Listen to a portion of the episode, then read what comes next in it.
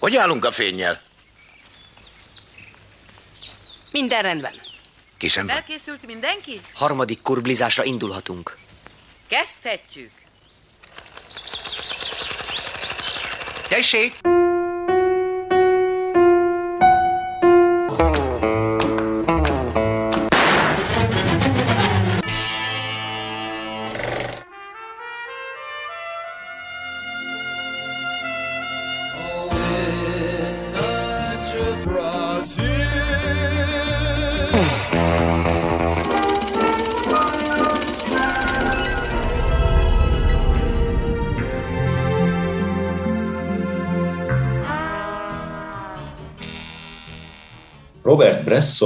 Vétlen Baltazár, 1966. A Vétlen Baltazár című film nézői a szamár, azaz a humanizált természet képviselőjének sorsával szembesülhetnek, és megtapasztalhatják, milyen is tud lenni valójában az emberek lakta civilizált világ. Az olykor abuzált, olykor csak fenyegetett helyzetben sodródó domestikált állat krimibe illő szenvedés története rávilágít ennek a csupasz majomnak, azaz a homo sapiensnek a különös természetrajzára. Robert Bresson ezt a nekünk feltartott tükröt pedig épp egy olyan erényű teremtmény kezébe adja, aki már elszakadt a vadállatok tiszta természeti törvényű világától, és az emberléptékű környezethez szocializálódott. Az ember csökönyös szolgája történetének elmesélése során a rendező szociális létállapotok és hétköznapi élethelyzetek tapasztalásába sodorja a filmnézőjét. Bresson szemtelen tanmeséje mindezt a legtermészetesebb hétköznapisággal tárja elénk. Mikor a francia új hullám filmművészete internacionalista vizekre evez, és tekintetét a globálissá szélesedő emberi jogok felé irányítja, valamikor ott a 60-as évek közepétől, Bresson ismét más utat választ. Vizsgálódó kamerájának egyszerű, naív szemszögét a civilizált ember nagyvilágtól elzártabb környezete felé fordítja. Bresson egészen rendkívüli és utánozhatatlan, mint Ingmar Bergman nem tartozik a papamozia elnevezésű klasszikus filmformák rendezői közé, sem a francia új hullám élenjáró szerzői mellé nem sorolható. De mindkét tábor nagyra becsüli, mert nem zavartatja magát a körülötte születő filmektől, valószínűleg ő áll a legközelebb a szerző definíciójához. Olvasható a filmkultúrában. A történetmesélés konvencióit újraértelmezve Bresson úgy plánoz fel egy élethelyzetet, ahogyan rendszerint nem szokás. Ezért a képiség, azaz a kamerabeállítás és a montázs szintjén azt mutatja meg, ami filmen előtte láthatatlan volt. Ennek élményére olykor kifejezetten nehezen tudnak ráharapni a napjaink kiüresedett filmművészetét fogyasztó elmék. Nála máshol vannak a kiemelések és a narratív hangsúlyok rejtőzködő kamerája a leselkedés vagy voyeurizmus megszállott úttörője. A valóságon túli igazság érdekli, amit figurái belső életének vizuális kifejezésében tár elénk.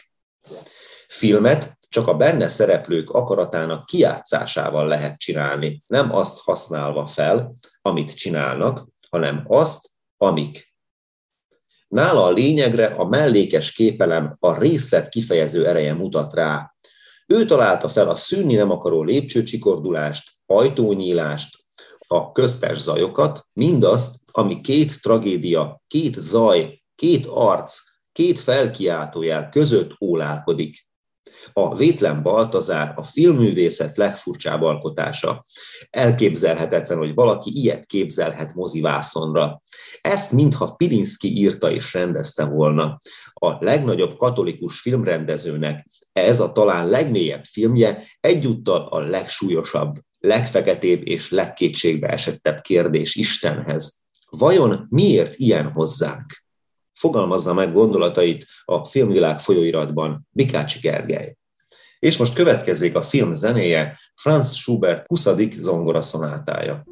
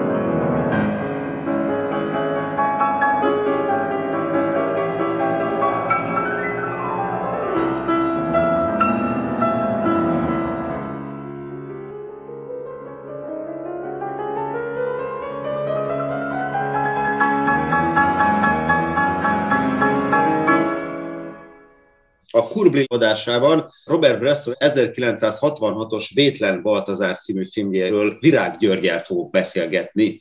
Virág György színésszel, a Zentai Színház színészével. Szervusz, üdvözöllek a műsorban, hogy érzed magad? Szervusztok, Virág Gyuri vagyok.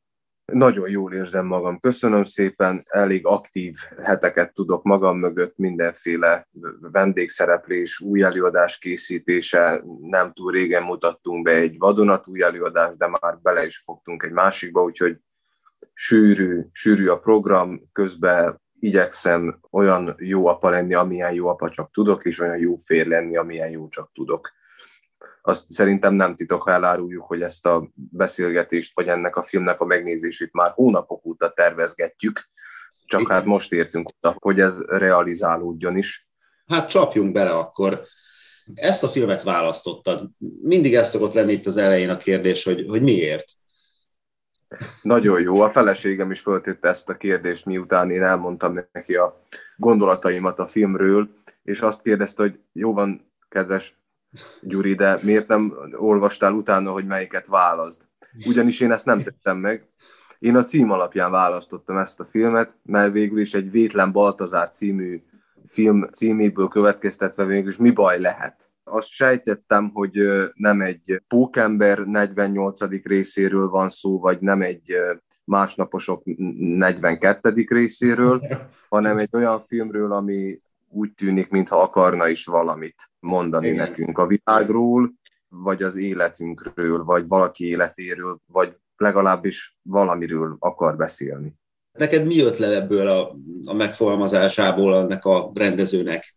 Ez egy 66-os film, ugye itt a filmművészetnek ez a fele már jobban az ember szociális oldalát domborítja ki, meg a társadalom tudományok is itt már jobban elkezdenek működni ebbe az időszakba, ami tényleg mindegyik filmen érződik, így 65 után ez elég erőteljes tendencia lesz. Tehát már nem annyira formai kísérlet, persze ez a film még ebből a szempontból is kivétel, az ahogyan kitalálja ezt a történetet, abban van egy extrém.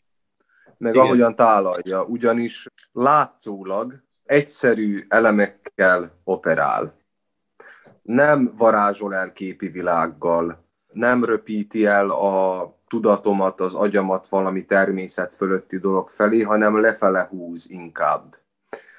Nagyon nehéz erről úgy beszélni, hogy az én filmes szocializációm az nincs túl magas szinten. Illetve nagyon rossz szóval fogalmazva, művészfilmeket én magam is nehezen emésztem meg, hiszen nem ezeken nőttem föl. Tehát számomra a film az nem feltétlenül ezt jelenti, hanem nyilván az előbb biztosan fogalmaztam a pókemberrel, meg a másnaposokkal kapcsolatban, de hogy azokhoz a filmekhez képest végignézni egy 66-os francia kísérletező dolgot nem egyszerű dolog. Igen. És azt hiszem, hogy azt is elárulhatom, hogy nem is sikerült egyszerre végignézni. Tehát nem tudtam befogadni. Tehát annyira, annyira sűrűn kapom azokat az információkat, amiket félig meddig tudok csak földolgozni, hogy egy idő után az idegrendszerem, az érzelmi és értelmi intelligenciám kifárad, és egyszerűen el kell távolodnom tőle ahhoz, hogy én ezt tudjam folytatni. El tudod mesélni a sztorit? Nagy vonalakban el. Baltazár, a főhősünk, egy szamár nagyon-nagyon érdekesen indul a film, ugyanis megkeresztelik a gyerekek a szamarat, akik az apjuktól könyörögték, hogy legyen az övéké. És tulajdonképpen az egész filmen keresztül nyilván mellékszálak segítségével, de a szamár sorsát ismerjük meg, hova vetődik, kicsapják, nem csapják ki, cirkuszi mutatványossá léptetik elő, aztán féksüteményeket szállít, forgattatnak vele, aztán malomkereket forgattatnak vele, megverik, megsimogatják, tehát nagyon-nagyon szélsőséges dolgok történnek ezzel a megkeresztelt csacsival. Mindazonáltal nyilván nem csak Csacsi szerepel ebben a filmben, hanem ott vannak körülötte azok a figurák, akik befolyásolják ennek a szamárnak a sorsát. Csomó-csomó történet fonódik köré, ami igen-igen szövevényes, és most visszacsatolnék ahhoz, hogy, hogy nagyon sok információt kapok ahhoz képest, hogy milyen idézőjelesen szegényes ennek a képi világa, hiszen nagyon-nagyon sok minden történik benne. Igen. Állandóan változik, változik a millió, változik a történet, a szereplők azok mondjuk annyira nem cserélődnek, de azok is nagyon-nagyon szélsőségekbe viszik el ennek a szamárnak a sorsát. Igen, ezért is mondják ezt a filmet kriminek, mert tulajdonképpen ez a szamár, ez folyamatosan vagy abuzálva van, fenyegetett helyzetbe kell, hogy érezze magát, mert tényleg egyik pillanatban megütik, a másikban megsimogatják, nem tudja sosem kb. hogy mire számíthat. A megkeresztelkedés ott az elején, az lehet ilyen szimbolikus is, de én el tudom képzelni, hogy volt erre példa, hogy házi állatot megkereszteltek. Az nekem azt jelenti, hogy mennyire humanizált a vadállat egy tisztább formája az állatnak, mint egy humanizált csacsi, ez, amire ma már a mai világunkban, a 21. században teljes iparág épül, kezdve a kutya kozmetikustól, a kutya pszichológuson át, tehát ezek a kis házi kedvencek, ugye. Na most ugye ez egy ilyen domestikált állat, és nekünk tart tükröt, hogy mennyire ellentmondásosak vagyunk, Például, amikor ott az egyik jelenetben kijön a bíróságról a tanárfigura, aki egy vidéki birtokot vett ott át, és akkor mondja az ügyvéd neki, hogy de ne menjen el, ne menjen el, és akkor látszik, hogy a tanár meg van sértődve, hát engem itt megsértettek, én elmegyek. Ez a bíróság, ha ilyen, hogy így megsérti az embert, akkor, akkor én itt nem veszek részt ebbe. És erre azt mondja, hát igen, de ha maga elmegy, akkor ez a bíróság azért, mert elmegy, el fogja, önt fogja elítélni. szóval, szóval ezek a szabályok mentén való élet, amit az ember magának kreál, és hogy tényleg ez a szamár tartja nekünk a tükröt. Uh-huh. Meg még egy dolog, amit itt gyorsan elmondanék, nem tudom, hogy feltűnt-e, hogy például itt a csattanó az sosincs megmutatva. Tehát például van az a jelenet, amikor olajat öntenek a rossz gyerekek az útra, hogy az autók összeütközzenek. Látjuk, hogy jön az autó, látjuk, hogy kisodródik az első autó.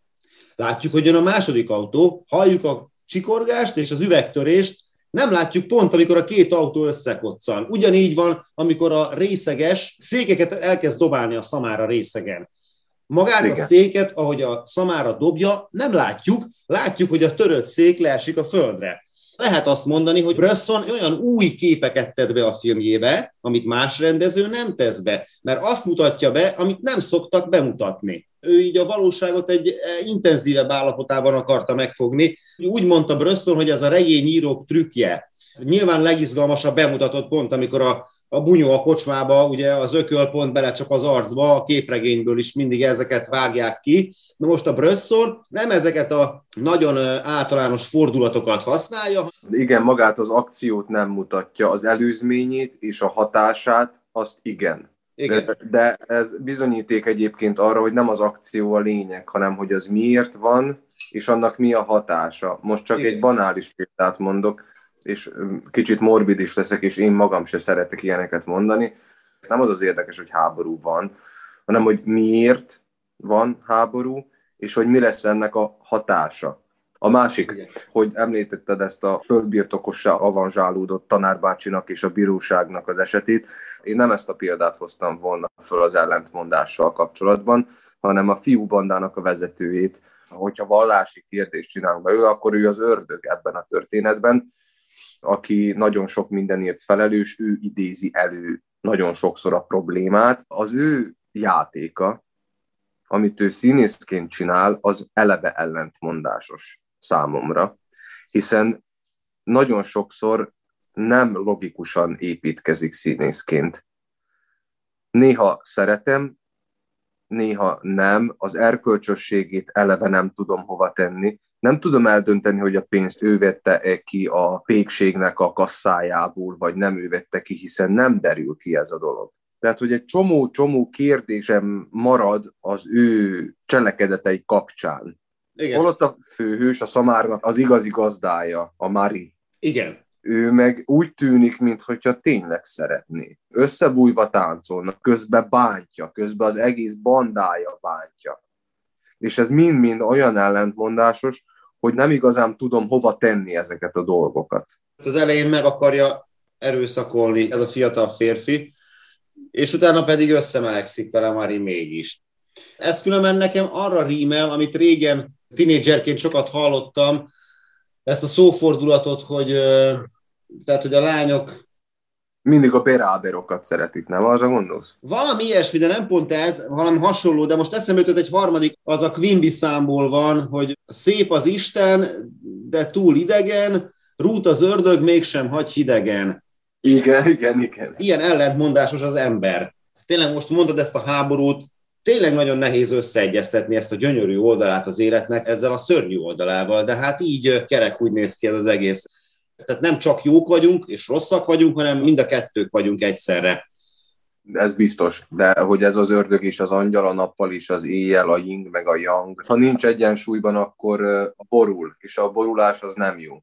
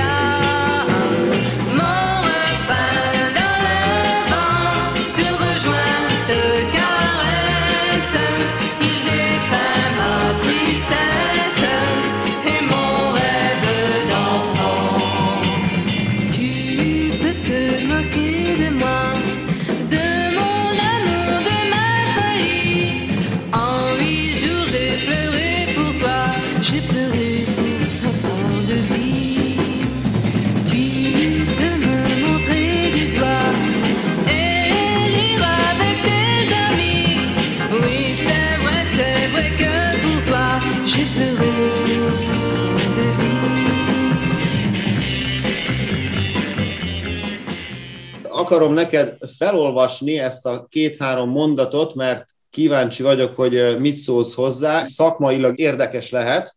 A purista Brösson elutasítja a konvencionális cselekményt, mint a regényírók trükkjét, úgy véli, a színházzal ellentétben a film azért lehet hiteles, igaz művészet, mert benne a szerző a valóság töredékeit fogja és rendezi el úgy, hogy szembeállításuk átalakítja őket.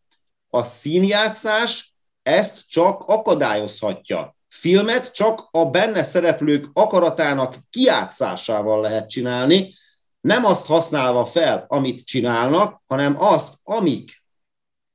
Szóval Bresson teljesen elutasította a színészetet megkövült, farcú színészi játékot látsz, tulajdonképpen nem is igazán színészi játék, mert ő is, mint ebben a korban nagyon sokan amatőröket használtak, vagy teljesen névtelen, semmilyen színészi tapasztalattal nem rendelkező figurákat kértek föl szerepek eljátszására. Hát ha belegondolsz, itt a lánya Mari sem alakít olyan nagyot, hát a, őnek is a mimikája nem egy túl kifejező Hát, hogyha finoman akarunk fogalmazni, akkor igen, de egyébként valóban farccal játszanak, és mai szemmel, de szerintem nem csak a mai szemmel, hát 66-ban is volt nyilván konvencionális színház, sőt volt újító színház is, tehát mindenféle színház és film volt. Viszont az, hogy hogy mindenkinek egyformán volt farca. Tehát, hogy nem volt olyan, hogy aki tehetségesebb amatőr, az így mondta, aki kevésbé tehetséges amatőr, az meg amúgy mondta.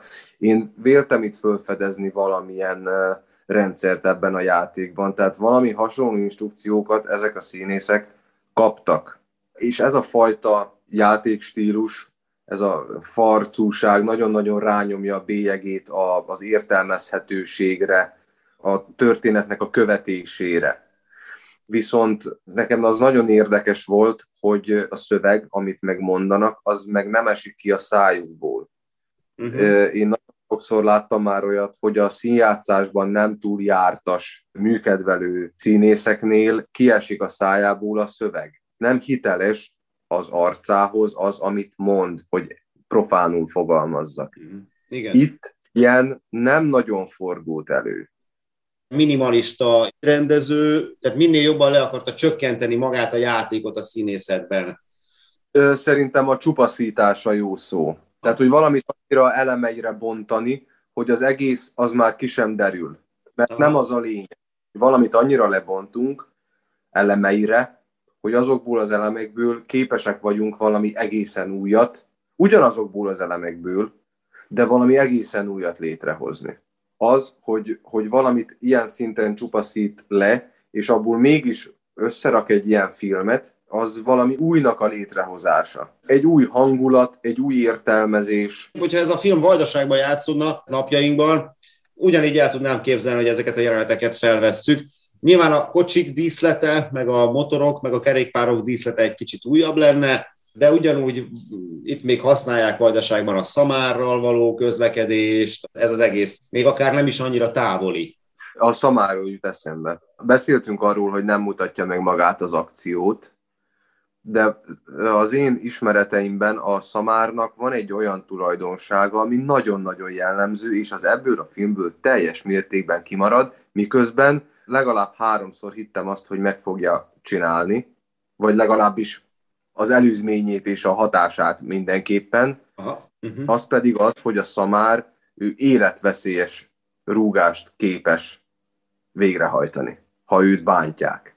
És nekem a makacsága is hiányzott, mhm. láttam ugyan, de láttam már szamarat, és egy szamár ettől sokkal makacsabb. Tehát ha verik, akkor megmakacsolja magát, és nem tudod kizökkenteni, hanem rúgni fog.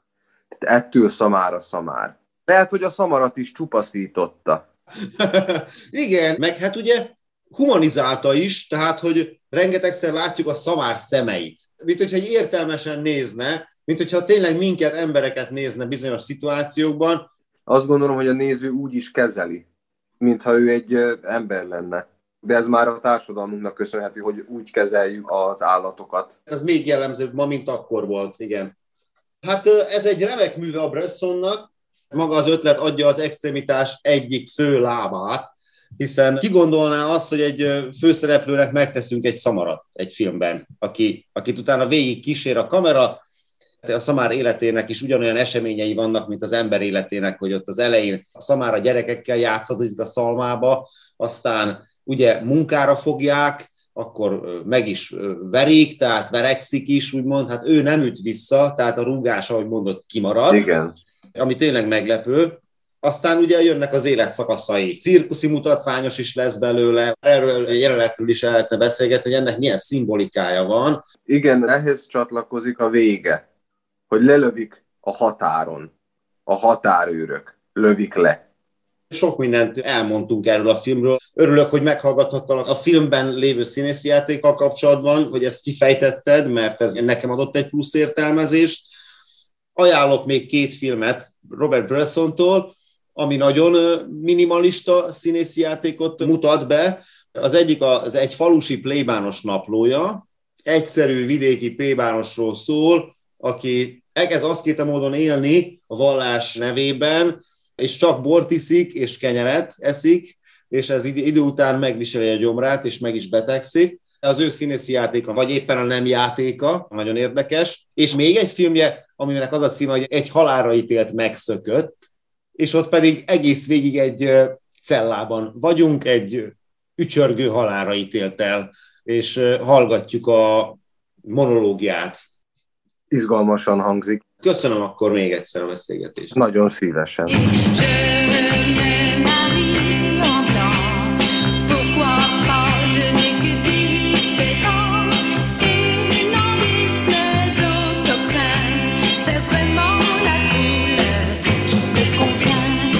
Mikács Gergely filmesztéta szerint Baltazár a megváltatlan emberi élet értelmetlenségét példázza. Én majd akkor leszek keresztény, ha a Bibliában az állatok szenvedéséről is szó esik, és őket is megváltja Jézus, állítja Louis Buñuel, spanyol filmrendező. Aiment